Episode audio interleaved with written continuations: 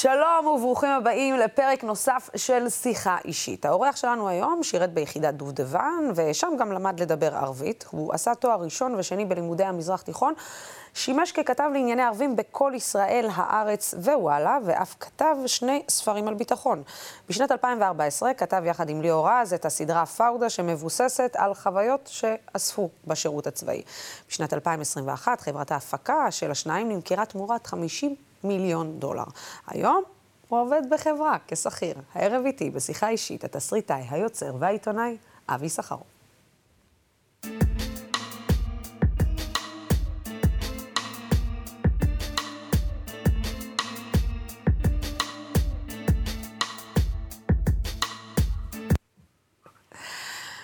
מרחבה, مرحبتين يا لوسي كيفك كيف شو امورك اخبارك؟ من كيف زمان انت אבי? شو اخبارك? وينك؟ האמת שאני חייבת להגיד לצופים שלנו שהיחיד שיודע לדבר בכמה מבטאים בערבית, אה, אחרי אולי יורם בן נור, ש- אה, שהיה אז הכתב לענייני ערבים ופלסטינים, זה אתה. אתה יודע הרבה מאוד מבטאים ולעגים בש- בשפה הערבית. אבל אה, בסדר, הערבית שלי קצת התקלקלה כבר, את יודעת, אני כבר פחות בשטח, פחות מסתובב. אז אתה קצת ככה, אני כבר קולט שהיא מתחילה להתקלקל, וזה מלחיץ אותי, מדאיג אותי, כי מה, אני פתאום שוכח מילה כאן, פתאום שוכח מילה שם. זה, זה, זה יכול להתקלקל, כי בסוף בטח. ערבית זה יושב אצלך, נראה כן. לי, כן, כן. בבילטין. כן, אבל עדיין. זאת אומרת, אני חולם לפעמים בערבית, דברים כאלה, אבל עדיין, אה, כשאתה לא מתרגל אותה, ובאמת, לצערי, אני לי לדבר עכשיו יותר אנגלית מאשר ערבית, וזה מבאס, אה, כי איפשהו אני באמת מרגיש הרבה יותר בבית ברמאללה מאשר בלוס אנג'לס, אבל זאת העבודה, ושינוי גדול, אבל אלחמדולillah רב אל-עלמין. גם על זה צריך להגיד תודה. אפרופו אה, רמאללה, מתי פעם אחרונה היית ברמאללה? מן זמן, באמת, יותר משנה. וואו. כן. למישהו שהיה על בסיס כמעט יומיומי, אני לפחות זוכרת מה, מהשיחות פעמיים, שלוש בינינו, בשבוע, פעמיים, שלוש בשבוע, אתה בגדה. ברמאללה, בגדה, כן. בלי, כאילו זה חלק... מותר להגיד אגדה? אני לא יודעת אם מותר להגיד אגדה. לא יודע, עכשיו גם... ה- אתה יודע, מערבית, כן. ועכשיו גם הממשלה עברה טלטלה, וזה אולי, ואומרים שזה אולי התחיל בכלל במילה הזאת שראש אז בואי הממשלה נגיד, השתמש. יהודה ושומרון, איש שסמו עינה דפר דפר רביע. רביע. אז הגדה המערבית. אז כשהייתי יוצא לגדה, אז הייתי המון, המון, המון, אז בתקופה ההיא, שיצא לי פחות או יותר להכיר אותך, אני מדבר איתך אפילו עוד לפני זה, זאת אומרת, אלפיים וצפונה, זה היה משוגע. עכשיו אנחנו בדיוק מדברים 20 שנה על אה, חומת מגן. זו תקופה פסיכית. מי שלא היה שם לא יבין, כאילו, לא. זר לא יבין זאת. גם, גם בוא, אתה, לא רק שהיית בן בית ברמאללה, נגדיר את זה, היית גם סוג של בן בית אצל אבו מאזן. זאת אומרת, אבו מאזן אה, לא פעם ולא פעמיים החמיא לך מול הרבה מאוד כתבים, וציין אותך על השבח, אה, מול הרבה כן. מאוד כתבים שמסקרים את, ה, את המקום הזה בצורה פיירית, בצורה אמיתית, בצורה של, של העיניים מהצד הפלסטיני.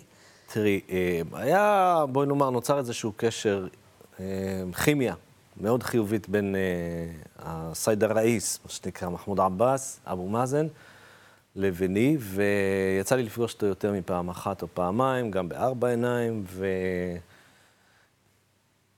ופתאום זה היה איזה אירוע אחד שהוא כינס הרבה עיתונאים, ואני זוכר את הקטע הזה, זה זה, היה קורע, באמת, זה היה כל כך מצחיק, הייתי מאוד מובך. שולחן ענק של עיתונאים, שאי שמה בקצה, ולא רק כתבים לענייני פלסטינים, אלא גם כתבים מדיניים, אני זוכר שאודי סגל היה ואחרים, הדול מן אל-יהוד, כאילו, אז כמובן, מש בס אל-ערב.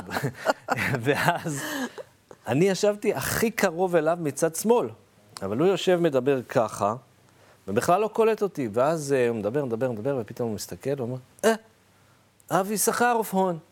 ואז מתחיל לתת להם אה, חיטב, כזה נאום ארוך על זה שהם לאזם יקראו מקהלת אבי יששכרוב, ואיך כתבתי ככה ואיך כתבתי אחרת וכמה. בסדר, עכשיו תראי, אבו מאזן, בסדר, זה רשות פלסטינית, זה עוד יעני לגיטימי. אבל הייתי גם בן בית אצל בכירי חמאס. לא רק בגדה המערבית, אלא בימים שבהם היה מותר גם ברצועת עזה. אסמאעיל הנייה, מחמוד א-זהר, אסמאעיל רדואן, כל אותם אלה שהיום כל הגוורדיה, לא מדברים חס וחלילה מעל יהוד. בשום צורה שהיא. אני ישבתי בבית של הזהר, שאמר לי, אינתא דאבת מוחברת, בשביל הצופים לתרגם, אתה קצין שב"כ, קצין מודיעין, הוא אומר לי. ואז מכניס אותי הביתה, ומדשדשים, מדש... מדברים, מדברים, מדברים, ושולח אותי לדרכי בלחיצת יד, ש...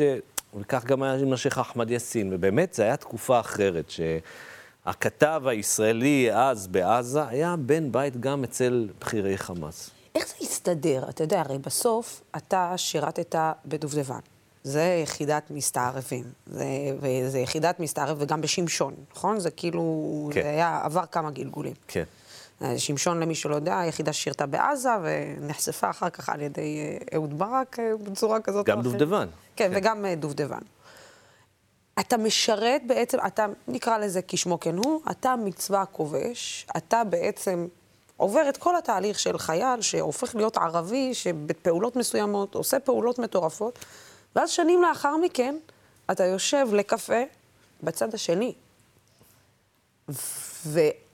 והרגע הזה שבו אתה מוצא את עצמך מול בכיר, שאולי היה יעד לחיסול שלך לפני כמה שנים. לא. קודם כל, אז דובדבן זה לא שהיה לנו יעדים לחיסול, היה לנו יעדים למעצר, לתפיסה, לא שלחו אותנו סתם להרוג אנשים. אבל פה ישבתי בעיקר עם הדרג הפוליטי, הדרג המדיני. הם לא היו כאלה יעדים, כן? זאת אומרת, מי שרצה לקחת אותם, לקח אותם בזמנו, כשעוד הייתה נוכחות ישראלית בתוך ערי הגדה וגם ברצועת עזה. היה את המבוקשים, מטלובין, שזה סיפור אחר באמת. שזה יצא לי באמת להיתקל באנשים שאני חיפשתי כחייל, שניסינו לעצור אותם כחיילים, ופתאום אתה פוגש אותם פנים אל פנים. פתאום אתה בא ויושב איתם לקפה, ואני לא אשכח את זה, אני, אני זוכר שפגשתי, אני אשאיר את שמו אצלי, אבל אחד שבגללו נשארתי שבת ביום הולדת 19 שלי. ואני לא סלחתי לו על זה, ואז אתה פוגש אותו, להגיד לו, בגללך עשן, נשארתי שבת. אבל היה עוד הרבה, אירועים הרבה יותר הזויים. באמת, היה אירועים שאתה לא יכול... אני הייתי פעם בבית, בתור עיתונאי, בבית של מישהו שאנחנו עצרנו, ואחר כך אותו בחור נהרג בהיתקלות עם uh, כוחות הביטחון הישראלים. ואני הייתי שם בבית הזה ועצרתי אותו בזמנו לפני שהוא... ויש לך אירוע מהסוג הזה, אירוע מהסוג אחר שאני יכול לתת לך, שזו מציאות הכי הזויה, וכשאני הייתי בצבא, אני נפצעתי בהיתקלות עם אנשי חמאס. והמחבל שירה, לי, שירה בי, קראו לו איקס. ושנים אחר כך אני מסייר באותו מקום שבו נפצעתי כעיתונאי ומראיין חבר'ה צעירים, ואחד מהחבר'ה הצעירים אומר לי שקוראים לו איקס, זאת אומרת, אותו שם של המחבל. ואני אומר, רגע, רגע, רגע, אנחנו מדברים פה בדיוק 21 שנה מהאירוע, הבחור הוא בן 21, מי, מי, מי, מי אותה, מאותו מקום, מה הסבירות שמדובר פה במישהו שבכלל אין לו קשר? אין, אין, אין, אין כזה תרחיש. ומתחיל לאט לאט לחלוב אותו, והבחור מספר ש... אבן עמו, היה, בן דוד שלו היה אחד מהמייסדים של גדודי חללי, אה, גדודי עיז א-דין אל-קסאם. ואמרתי לו, ומה קרה, איפה בן דוד שלך? הוא אומר לי, הסתשד. כיף הסתשד, ואז הוא מספר לי סיפור שלם, שדרך אגב, לא היה ולא נברא. אין שום קשר בינו לבין המציאות בתור מי שהיה שם, שם. וחטף את הירי הראשון. אין שום קשר. אבל זה הסיפור שהוא גדל איתו. הוא נקרא על שמו, והוא גדל עם הסיפור הזה שאז'ו קוואט חסה למה הד השבל מסכין נם. כלומר, באו הכוחות המסתערים בזמן שהוא ישן, וירו בו במיטה. זה הסיפור שהם מכרו לו. אז שאלתי אותו שאלה נורא פשוטה, תגיד, הוא היה לבד? הוא אמר, לא, לא, לא, הם היו ארבעה. אמרתי, אולי זה יגרום לו לחשוב, רגע, איך? ישן, ישן, ככה, ארבעה חבר'ה. אולי, אני, אני לא מאמין שזה ישנה את התפיסה שלו, אבל אני, זה הייתה רק דוגמה אחת מיני רבות לזה שאתה מסתכל ורואה איך הנרטיב שאתה גדל עליו, שאתה מתחנך עליו, הוא כמעט 180 מעלות, אם, אם לא 180 בדיוק, לנרטיב שהצד השני מקבל. וזה הסכסוך שלנו. אתה מרים לי להנחתה, בעצם זה הסכסוך שלנו. אני, אתה יודע, אני, אני מנסה לחשוב על, על ה... הרי אתה עברת הרבה מאוד פאזות, אה, ועברת הרבה מאוד אה, תקופות. וככל שעובר הזמן, אני זוכרת שהייתה לנו שיחה פעם, ואמרת לי, לוסי, ככל שעובר הזמן, ככל שאני מסתובב יותר בגדה, יותר בהתנחלויות, אני מבין שה... חלון ההזדמנויות הולך ונסגר. זאת אומרת, גיאוגרפית, לפני- זה היה לפני... זה היה לפני עשר פלוס שנים. נכון. גיאוגרפית, חלון ההזדמנויות נסגר. ואז אתה יושב ואתה רואה את מה שקורה כרגע, ואתה אומר לעצמך, מה? אנחנו בדרך, בלי אפשרות להסתכל אחורה, למדינה דו-לאומית? תראי, יכול להיות שיבוא מישהו וירשום פה איזה פטנט, והראש פטנט יביא כאן איזושהי יציאה, אני שומע גם על כל מיני יוזמות עכשיו, את יודעת, קונפדרציה כזאת וקונפדרציה אחרת, ויש איזשהו מין שיח מאוד אקדמי על רעיונות שיכולים אולי ביום מן הימים להוות פתרון לסכסוך הזה. אבל הכלים היותר מסורתיים, שאיתם התמודדנו, זאת אומרת, פתרון שתי המדינות, סורי, לא, לא הולך לקרות. אני לא בא להתחיל להאשים פה לא את הצד הישראלי ולא את הצד הפלסטיני, ויש יופי של, באמת, אם היה לי פה שעתיים, היינו יכולים להיכנס לכמה כל צד אשם פה. יש לך שעתיים, דרך אשמים. אגב. ושני הצדדים אשמים, שלא יהיה פה ספק. ברור. אבל למי שבאמת, החל מלפני עשר פלוס שנים, שראה את השינוי הגיאוגרפי שעובר את הגדה, את השינוי הפוליטי שעובר את מדינת ישראל, בעקבות חילופי השלטון ב-2009, כלומר שאולמרט מפנה את המקום לטובת נתניהו, שעושה כל דבר אפשרי כדי למחוק את פתרון שתי המדינות, ומצליח. צריך להסיר בפניו את הכובע ולומר, הבחור הצליח. כלומר, אולמרט, למי ששוכח, ספטמבר 2008, עוד בא עם הרעיון הזה של אה, לאבו מאזן. לאבו מאזן. כן, עם ההצעה הגדולה, שהיינו קרובים באמת ככה לחתימה. חמישה ימים לאחר מכן הוא מתפטר, אבל אחרי שאולמרט עוזב באמת, הסיפור מתחיל לאט לאט לאט להיגמר, ואתה רואה שהיום אין, אין דרך חזרה. אני מצטער, אני לא, אף אחד לא יכול לפנות עכשיו לא 100 אלף ולא 150 אלף אה, מתנחלים, בהנחה שנגיע להסכם ששני שליש מהמתנחלים באמת אה, יהיו בגושי ההתנחלויות, וחלק יתפנו מרצונם. זה, זה תסריטים לא ריאליים. את- אנחנו רואים מה קורה פה, אנחנו רואים את המדינה. היא נדדה מאוד ימינה, והיא כנראה מאמינה בזה, ש... רוב המדינה מאמינה בזה, שאנחנו נוכל להמשיך לשבת בגדה המערבית, יהודה ושומרון, ולכבוש עם, ולהיות סבבה עם זה. ואני אומר, אוקיי, תפדלו. אם אכן זה סבבה, אהלן וסהלן. לאכן, אבל אל תבואו אחר כך להתבכיין, את יודעת, אה, בוא'נה, היה פיגוע, איך יכול להיות שהיה פיגוע? ואני שומע את התדהמה הזאת בצד הישראלי שיש פיגועים. חבר'ה, היו פיגועים, יהיו פיגועים, בממשלת נתניהו, לפני ממשלת נתניהו, אבל אי אפשר לבוא ולומר, אין פתרון, נמשיך לכבוש אותם, ולמה הם עכשיו עושים פיגועים? הם יעשו יודעת, פיגועים. אתה מדבר, אה, אה, אה, אתה מזכיר, אתה משתמש במילה הזאת לכבוש, ואתה משתמש במילה הזאת כיבוש, שזאת מילה שאולי גם מאז 2009, אה, מילה שהיו יש כמה שנים שאנשים אמרו, אוקיי, יש כיבוש. ואולי מאז 2009 כבר אנשים בהדחקה מוחלטת שיש כיבוש בגדה המערבית לגמרי. ביהודה ושומרון. זאת אומרת, אתה עכשיו מדבר על כיבוש, הרבה מאוד אולי עכשיו מהאנשים שיתחילו לתקבק איזה כיבוש, על מה מדברים, אין כיבוש, כי אין, אין דבר. עם פלסטיני. את לא שמעת. זה לא שלחו את הממו לכולם. אין עם פלסטיני. זה הכל המצאה במוח הקודח של כמה שמאלנים בוגדים. עכשיו, עוד פעם יגידו לי, רגע, אבל הלאומיות הפלסטינית בעצם הומצאה בשנות ה-50 של המאה הקודמת. בסדר. נגיד, אז מה? היום יש ארבעה מיליון, לא, סליחה, היום יש חמישה מיליון פלסטינים פה בגדה המערבית וברצועת עזה, ואני לא מדבר על הפלסטינים בתוך ישראל, אלא בגדה המערבית וברצועת עזה, שקוראים לעצמם פלסטינים. אז מה, תבואו ותגידו, אין פלסטינים, ומה, זה יעלים אותם? זה יגרום להם לבוא ולהצטרף מחר לתנועת חב"ד העולמית? מה- מה? התפיסה הזאת של להתווכח על הטרמינולוגיה הזאת, וזה מה שימחק, וזה מה ש... לא נקרא לזה יותר הגדה המערבית, חס וחלילה. נקרא לזה רק יהודה ושומרון, כדי שחס וחלילה לא נתמודד עם זה שיש פה כיבוש. כי אין כיבוש, כי כל כוחות צה"ל שנמצאים שם הם סתם נהנים. מטיילים. וזה הדברים שמשגעים אותי. זה לא, זה, יש פה עוד הרבה דברים שמשגעים אותי, אני מתחיל להתעצבן רק, זה, בסדר. אבל אתה רואה את ה... תשמעי, מה שקורה פה עכשיו בפוליטיקה הישראלית. ההתחרפנות המוחלטת הזאת, השיגעון הזה שאני מסתכל עליו ואני אומר, רגע, מי נהיה גיבור, ה... גיבור הרחוב? איתמר בן גביר. איתמר בן גביר. עכשיו, בואי נסתכל על- עכשיו על האופוזיציונרים הקשים, האידא... האידיאולוגיים של הימין לממשלה הנוכחית, שהיא ממשלת ימין. בואו, זה ממשלת ימין. איילת שקד, נפתלי בנט, מי לא, כן? אה, יועז הנדל ושות' ושות' ושות'. על מה צעקתכם? כאילו, מה, שינו פה מדיניות מאז אה, נתניהו? האם פינינו התנחלויות?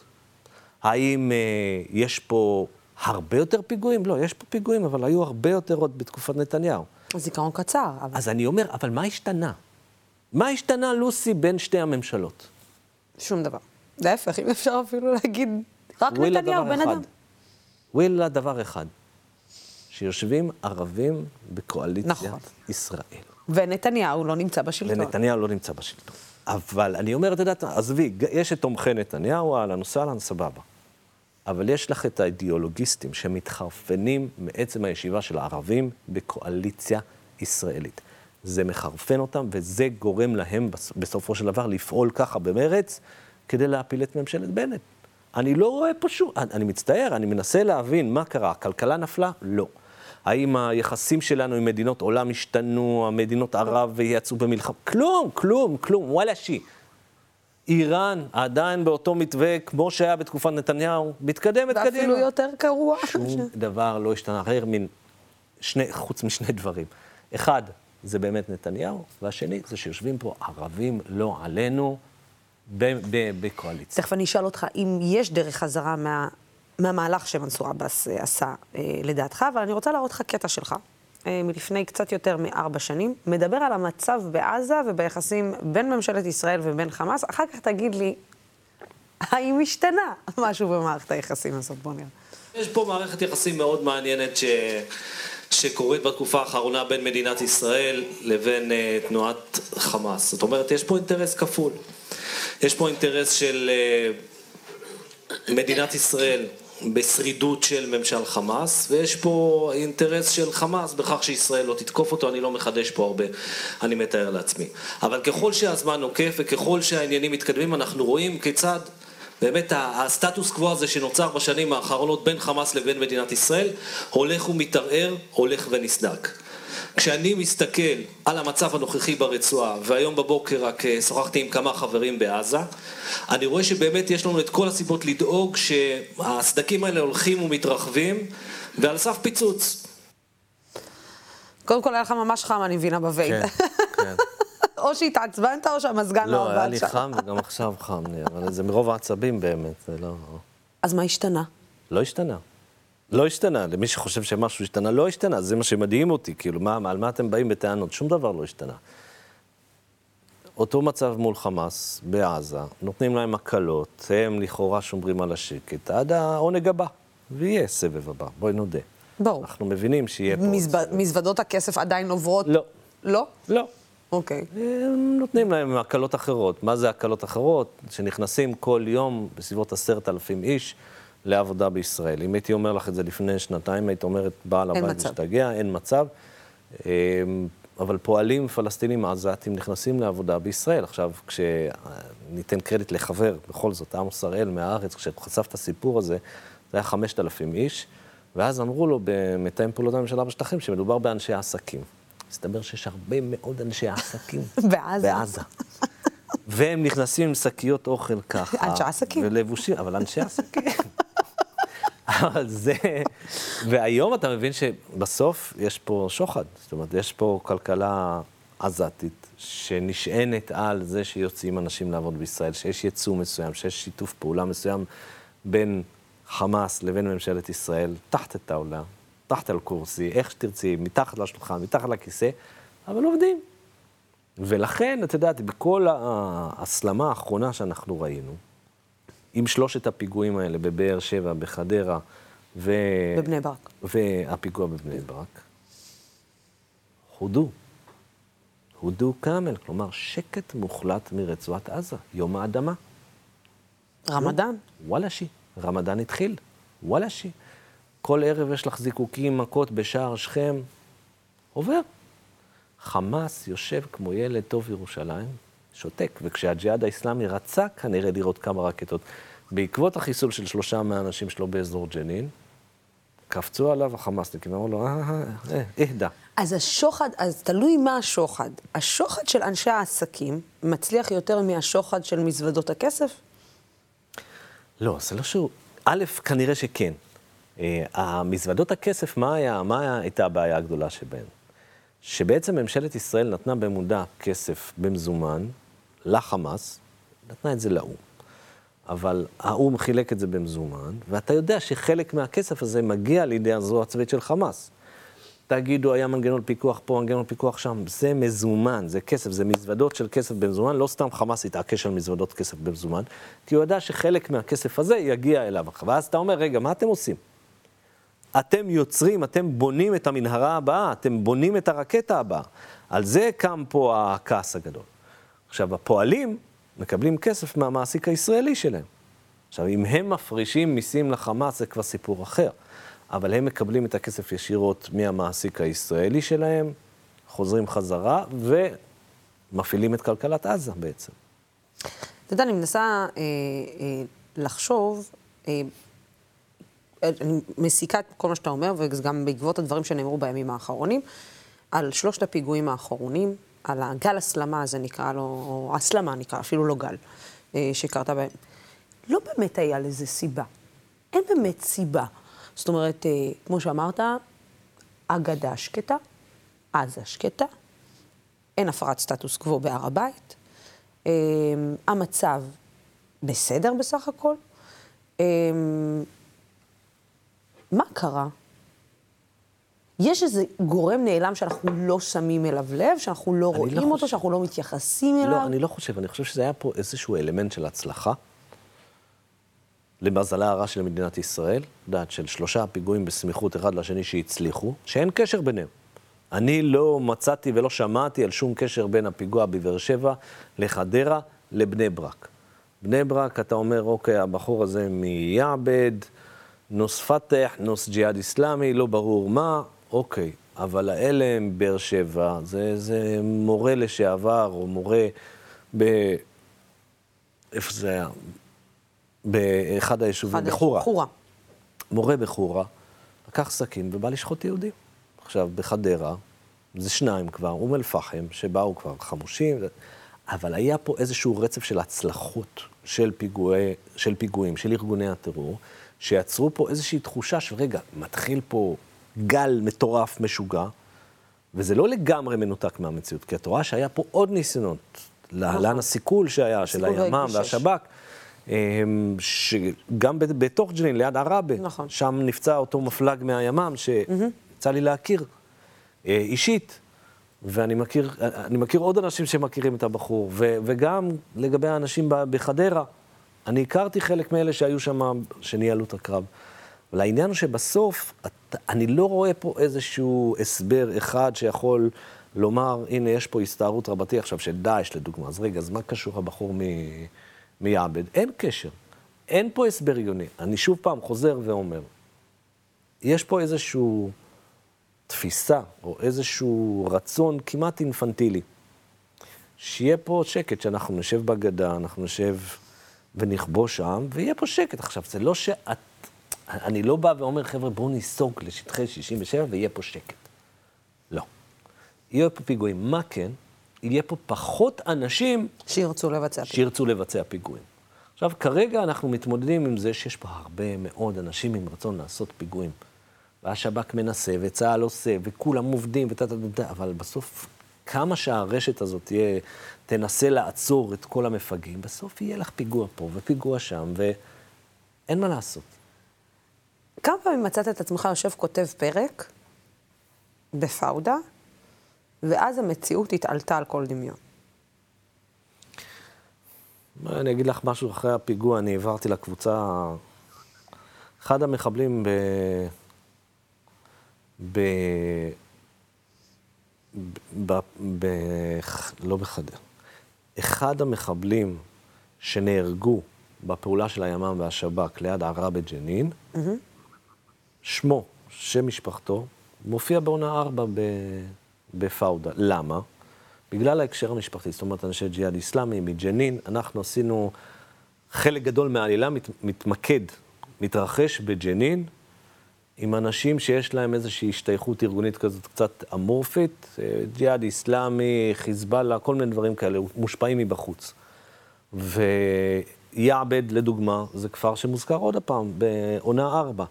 לא, לא חשבנו על זה שמשהו מהדבר הזה שאנחנו עושים יקרה במציאות. זה לא, התרחיש תראי בעונה ארבע, לא, זה לא מה שאת רואה עכשיו. הוא, הלכנו קצת יותר רחוק והשתגענו לגמרי. למרות שהכניסה, הכניסה של, אה, נגיד אם אני רואה את, את העונה השנייה וההתעסקות שלה בדאעש, כן. אז, אז כן יש שם קווים מקבילים להתעסקות שלה בדאעש וגם בערבים שנמצאים פה. ו...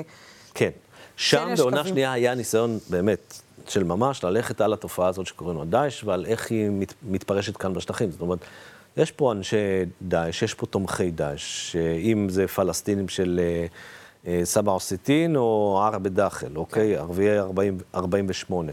יש פה אנשים שהם אוהדי דאעש, מה לעשות? ועם זה כן ניסינו ללכת בעונה שנייה.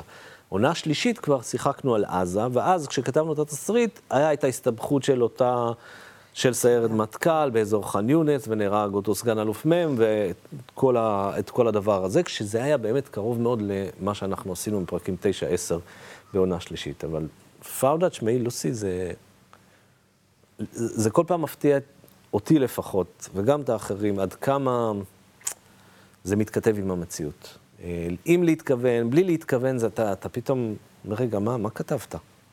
תסתכל מה קורה פה עכשיו, תסתכל, תראה. ואתה חוטף את- הסתירה הזאת, את הכאפה הזאת, ואתה אומר, רגע, לא יודע, יש משהו... הפתיע אותך ההצלחה של אה, פאול. מה זה הפתיע? אני עדיין בהלם. עדיין. את את יודעת, הסדרה עלתה לשידור ב-2015, שבע שנים עברו. אין לי מושג מה קרה פה. אמג'ד, אין לי מושג מה קרה פה. וזה מין, כאילו, אתה, אתה באמצע החיים, במהלך קריירה שונה לחלוטין, זאת אומרת, עיתונות ותסריטאות, את יודעת, שניהם אותם, כתיבה, אבל כן, שונה. אבל זה שונה לחלוטין. שונה לגמרי. ופתאום אתה רואה את, ה- היינו עכשיו בהונגריה בצילומים של העונה הרביעית. ואיפה שאתה לא הולך עם השחקנים. מכירים אותם.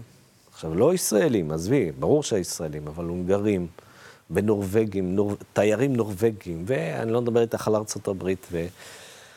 וזה חוויה, וזה מדהים, וזה גדול, וזה כיפי, ובאמת, אני משתדל ליהנות מזה. אמ, אבל זה, זה baby, זה פאודה זה baby נורא... אני זוכרת, אני זוכרת את, אה, את השיחות שלנו, כשבכלל רק התחלת לכתוב את, אה, את אה, פאודה, אבל אם כבר התחלנו לדבר על פאודה, אני רוצה להראות לך קטע מתוך הסדרה זמן אמת, על הסיפור האמיתי שמאחורי התסריט של פאודה. הוא הצליח לחמוק מהמערכת אולי הכי טובה שיש בעולם אה, ללחימה בטרור. במידה רבה עשה מאיתנו צחוק במשך כמעט עשור. אברהים חמד מתנהל באופן קבוע רק עם פגישות עם בין אחד לשני אנשים. אין תקשורת סלולרית, אין העברת אגרות, ולכן המידור שלו היה, אפשר לקרוא לו מקסימלי. את העיירה סילואד הכרתי עוד במהלך שירותי הצבאי בשטחים. מהמקום הזה יצאו לא מעט מבוקשים ואפילו מנהיגי ארגונים. אולם אף אחד מהם לא השתווה לאברהים חמד, שהפך את העיירה הזו לסמל. הפלסטינים כינו אותו השייח. ביחידות המיוחדות, בצבא ובמשטרה, הוא אף זכה לכינוי הפניקס, שממש כמו עוף החול, ידע לקום מחדש מתוך האפר וההריסות. כאשר ניגשנו ליאור רז ואני לכתוב את פאודה, דמותו המורכבת נתנה לנו השראה של ממש לדמותו של אבו אחמד, הפנתר, תושב סילואד. במערכת הביטחון לא ממש אה, אהבו את, אה, את העניין הזה, שאפשר להגיד במידה כזאת או אחרת, חשפת כמה דברים, גם אם אין קשר בין הדמויות למה שנראה על המסך, וכל קשר הוא מקרי בהחלט. אני לא מסכים איתך. אני חושב שבמערכת הביטחון מאוד אהבו. לא אהבו את זה במקום אחד ספציפי, ולא אהבו את זה בעיקר לפני ששודרה הכתבה, ואז קצת היה חיכוכים. אה, אבל המקום הזה הספציפי, ואנחנו מדברים על היחידה שבה אני שירתתי, הבין שעשה טעות, ולאחר מכן סוג של התנצל, ואנחנו חזרנו לדבר. כן, חטפת קצת מהיחידה. שבה שירתת. כן, זה, זה, זה כאפה. זה כאפה. זה כאפה, וזה היה קטע כאילו הייתי בהלם. אני מודה שהייתי בהלם, ואני זוכר את הערב הזה אצלי בבית, שבאו כל מיני קודקודים, והייתי אני ועוד שני שחקנים, שאפשר לומר את שמם. אתה יכול להגיד את שמם. אה, צחי הלוי, אה, להלן ג'וזק, ליאור רז, והייתי בהלם. אה, אתה יודע, עוד לא עלה דקה לשידור, והם היו באטרף מוחלט, ואחר כך, כשהם ראו והבינו שמפה ועד פגיעה בביטחון המדינה וחשיפה של יכולות, אין שום דבר ואין שום קשר, אז כבר נוצר קשר מחדש, והיום אני מנסה לעזור לחבר'ה צעירים שמשרתים ביחידה כמה שאני רק יכול, ובאמת יחסים כבר טובים ותקינים, אבל אז זה היה חתיכת כאפה. זה, זה היה לא ברור גם, כי ההסברים שנתנו לנו היו על סף הדבילים. ובאמת, כשעלינו לשידור, וכשכבר הייתה פרימיירה, אז התייצבו שם חמישה אלופים מהמטכ"ל הישראלי. זוכר. נציגים של השב"כ. ואני לא אגלה פה סוד גדול אם אני אספר שאת יודעת, היום גם צה"ל וגם השב"כ מאוד אוהבים את הסדרה הזאת. למה? כי זה עושה להם טוב. ופה באה כבר הביקורת מהצד הפלסטיני, אבל, וגם יש ביקורת, וחלקה צודקת, את יודעת, זה לא סדרה פלסטינית, מה לעשות? אבל כן, צה"ל והשב"כ... אה, כי מה? כי יש יותר אה, אה, חבר'ה צעירים שרוצים להתגייס לדובדבן? כן. באמת? ולשב"כ. כן. ולשב"כ. כן. מדהים. לא, זה סקסי. זה ברור שזה איך סקסי. אמר לי מישהו שאנחנו מכירים... השאלה שני- אם אתה תמצא שם את רונלי שמעון ב... לא, זה מישהו ששנינו מכירים, שהיה פעם קצין, אמר, אני רוצה להודות לך על זה שהפכת אותי לסקסי בעיני אשתי. בעיני אשתי, כן? זה הייתה האמירה שלו, ונקרא לו דרור. הבנתי אותך. כן. אז אה, זה, זה היה הסיפור הזה של ה... איזשהו חיכוך עם יחידה שהיא הייתה המשפחה שלי, שהיא הייתה הבית שלי, שנפצעתי בה, שעשיתי שם קצת קבע, כאילו. מה, מה קרה פה? מה, התחרפנתי בה? כן, אבל בסדר, אלחמדולילה, באמת. אה, חזרנו לשגרה והכל תקין כאן. איך הילד הירושלמי בכלל מעכל את כל ההצלחה ההוליוודית הזאת, ש... כי אפשר להגיד לה הצלחה הוליוודית. זה כבר לא הצלחה בממדים של ישראל, זה בסך הכל ילד משכונה קטנה בירושלים. גבעת שאול. אה, גבעת שאול. אה, פתאום מדברים עליו בעולם, פתאום חוזים מטורפים, פתאום זה בכלל לא בספירה הישראלית, כי אתה יודע, לפעמים אתה יכול להצליח בספירה הכי גבוהה הישראלית, אבל זה עדיין הצלחה קטנה לעומת כשאתה מגיע לשולחנות הגדולים בהוליווד ומדברים איתך אחרת לגמרי. תראי, א', יותר קל לי, אני מודה, בהשוואה לליאור רז. זאת אומרת, ליאור הוא השחקן והוא הפנים והוא בפרונט, ושם זה באמת, אתה כל הזמן בפרונט ואתה כל הזמן מזהים אותך, וזה, והאירוע הרבה יותר מסובך מבחינתו. וזה שחקנים, מטבע ברור. הדברים. אצלי היה לי את הפריבילגיה להישאר קצת מאחורי הקלעים. היה לי את החשיפה שלי בתור עיתונאי, לא הייתי צריך את ה...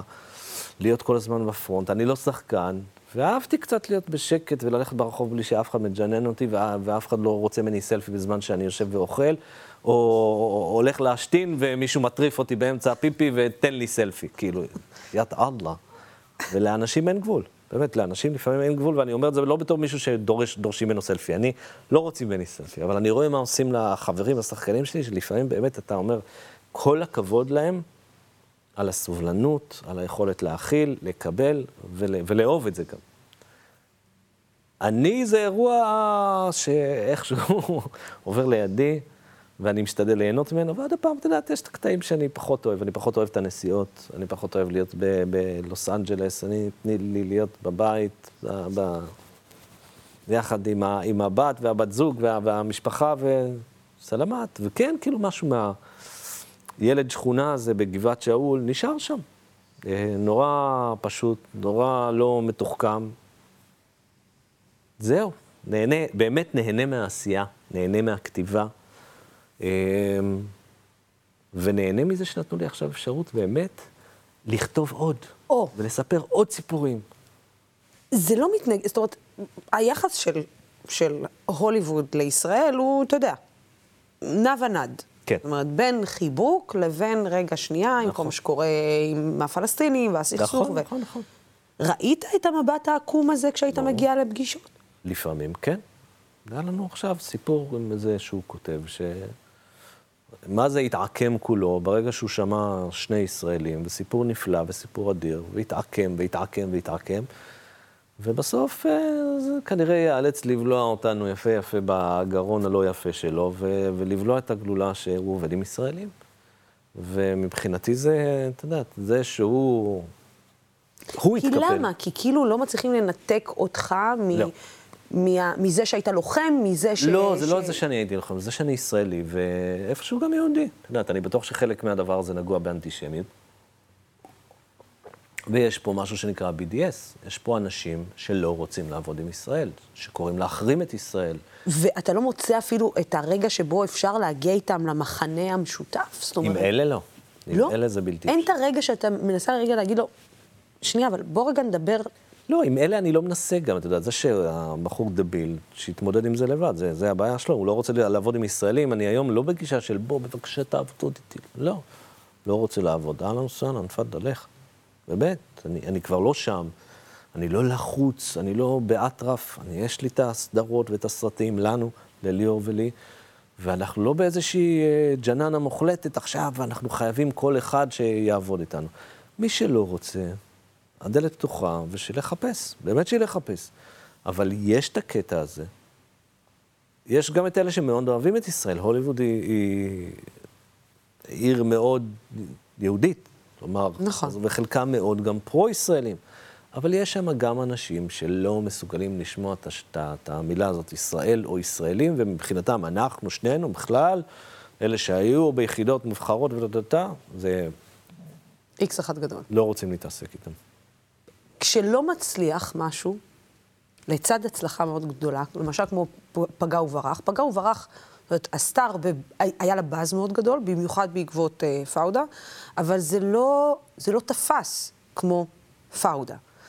כשיש את ההצלחה הזאת מול הכישלון, אתה רגע מקבל את הפרופורציה ומבין שאוקיי, שנייה, יש גם את הרגע הזה, ש...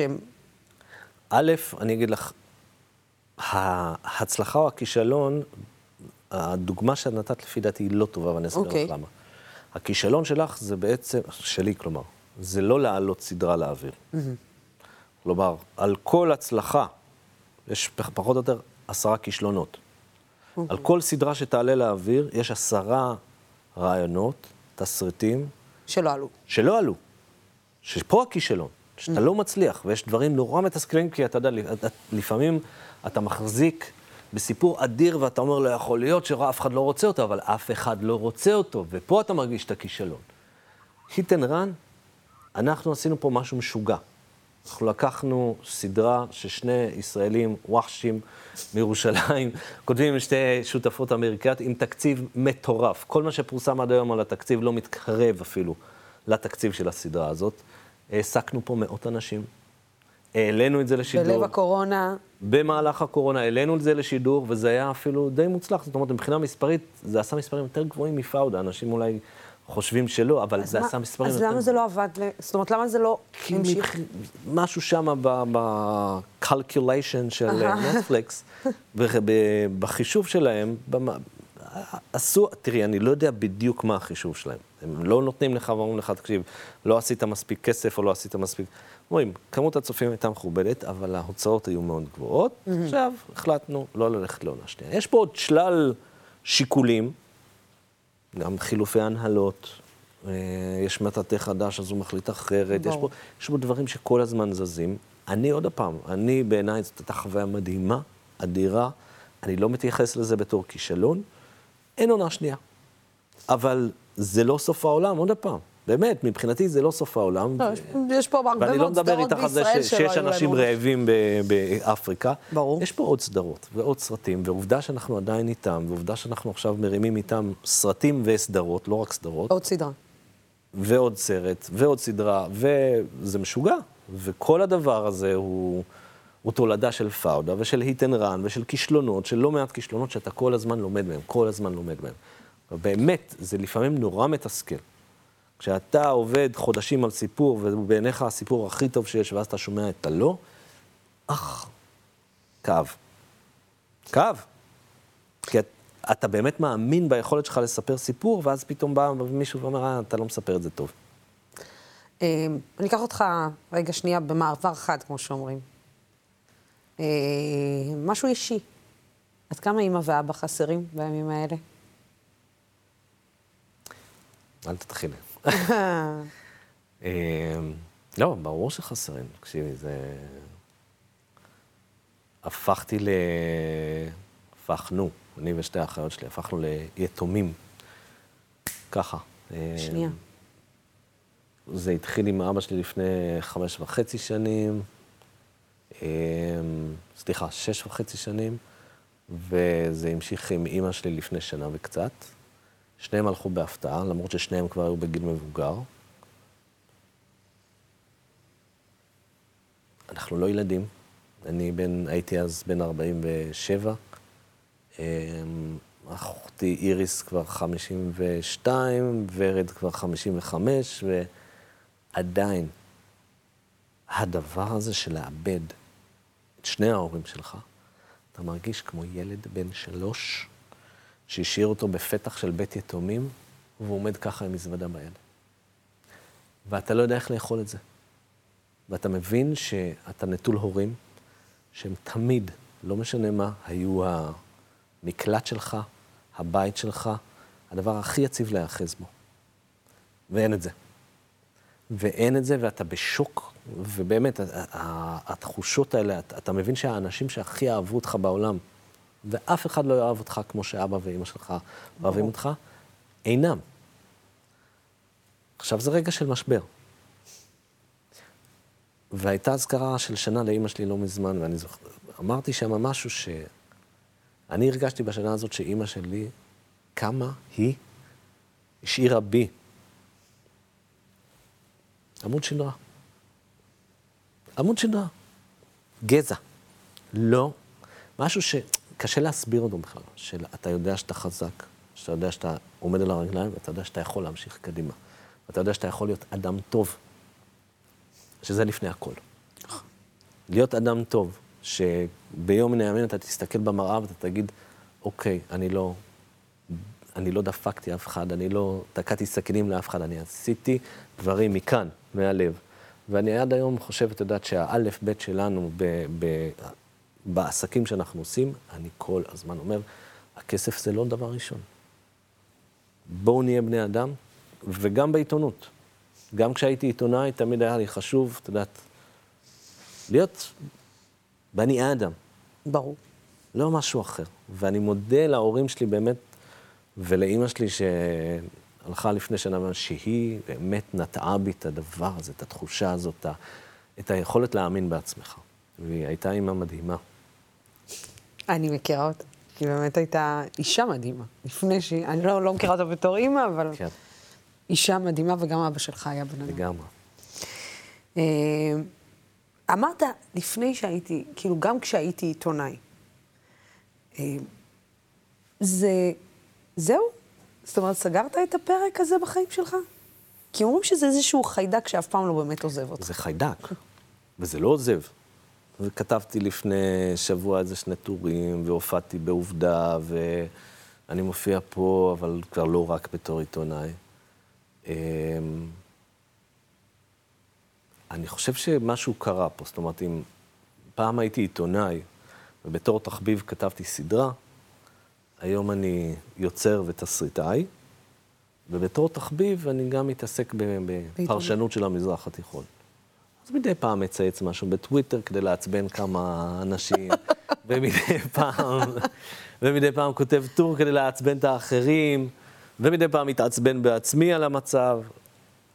אבל אני כבר לא, בואי נודה, אני מצטער, כאילו, בשביל עצמי להודות בזה, קשה לי, אבל אני כבר לא מסתובב בשטח, ואין לי את המקורות שהיו לי, וזה נחמד לפרשן, אבל זה לא כמו באמת לעשות את העבודה הזאת של לחטט את רגליך במקומות, בהכי ג'יפה, והכי משוגע שיכול להיות, ועשיתי את זה הרבה שנים, ונהניתי, כל כך נהניתי להתחרפן ברצועת עזה. באמת, ללכת לרצועת עזה, לתוך תהלוכות של חמאס עם אלפי חמושים, ואתה שם, ואתה יודע שאם עוד שנייה מישהו יגלה שאתה ישראלי, אינתהה, נגמר הסיפור.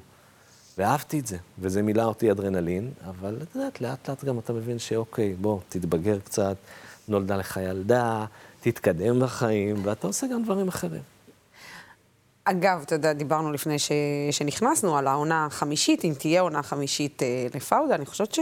ואמרת, רגע, נגמרו הרעיון, אני לא יודע איזה רעיון. לא חשבת על העיתונאי שבעצם... אה, איך, איך עד עכשיו לא נכנס העיתונאי תראי, העיתונאי, שבעצם מוצא את עצמו בלב... אה, סיפור אחר, זה לא פאודה. תופת. פאודה זה צוות של מסתערבים, שמתמודד עם כל מיני אה, אתגרי טרור. להגיד לך שאף פעם לא נעשה סדרה על עיתונאי, אני לא יכול להבטיח. אבל לאו דווקא בזירה הפלסטינית, את יודעת, כי באמת, עיתונאים זה זן מיוחד וזה מקצוע סופר מיוחד, ואני מעריץ את האנשים ש, שעושים את זה ועובדים בזה ובאמת מתזזים, ואני רואה את אלה שהיו העמיתים שלי, ואני לפעמים מקנא בהם ולפעמים אומר, וואי, פשוט אני כבר מרחם עליהם. כי אתה רואה שהם כבר עייפים ושחוקים וכולי, אבל עיתונאי זה, זה מקצוע קסום. זה מקצוע אדיר, ואני לא מדבר על מה שקרה לעיתונות בשנים כן. האחרונות. אני לא מדבר על זה שאת יודעת שהפסיקו להיות עיתונאים וכולם נהיו בעלי דעה, ולכולם יש מה לומר. חובי טוויטר ו... כן. אבל פעם, פעם, באמת, אני זוכר שאני, שאלו אותי, אני אמרתי, עיתונאי הוא שליח ציבור. ציטטתי את נחום ברנע, שבאמת היה בשבילי האורים והתומים. הוא שליח ציבור. התפקיד שלו זה להביא מידע מהימן, מדויק לציבור. היום אני אגיד לך את זה. מה, איזה להביא מידע מהימן לציבור ואיזה בטיח. התפקיד של עיתונאי היום זה לצעוק בטוויטר איזה משהו נגד הימנים. או נגד השמאלנים, וסבבה. ולהביא עוד לייקים ועוד אנשים שיעקבו אחריך ו... ויגרום לך להרגיש כביר, או זעים, או קאיד, או רמז, בסדר? מנהיג ומפקד וסמל וכולי. אבל כן, לצערי הרבה מאוד עיתונאים היום איבדו את השליחות הזאת של להביא מידע, ויותר הולכים לכיוון של אנחנו הפוליטיקאים שבדרך. אבי, מה התכונה הכי טובה שלך ומה התכונה הכי רעה שלך? איף, מה זה, ראיון אה, זה? ראיון עבודה. הר עבודה. אני פרפקציוניסט. כן. זה הכי רע או הכי לא, טוב? לא, אני לא, אני לא פרפקציוניסט, דווקא לא. לא יודע. אה, אני- אהבת הזולת, אני חושב. אני חושב התכונה שאני- הכי טובה? כן, אני מאוד אוהב אנשים, אני מאוד אוהב לעשות טוב לאנשים, ומשתדל לשמור על זה. והתכונה הכי רעה זה שיש לי לפעמים פתיל קצר, ושהייתי שמח להיגמל מזה. לא נגמלת מזה עדיין? לא, לסה, לסה. בעיה.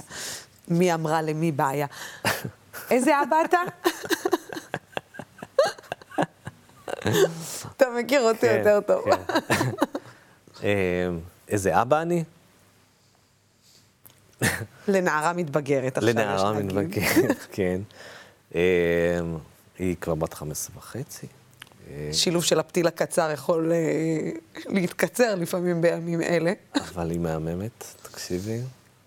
אני יודע שאני אובייקטיבי, ואני יודע שרק אני אומר את זה, אבל אין דברים כאלה. ואני משוגע עליה, ו...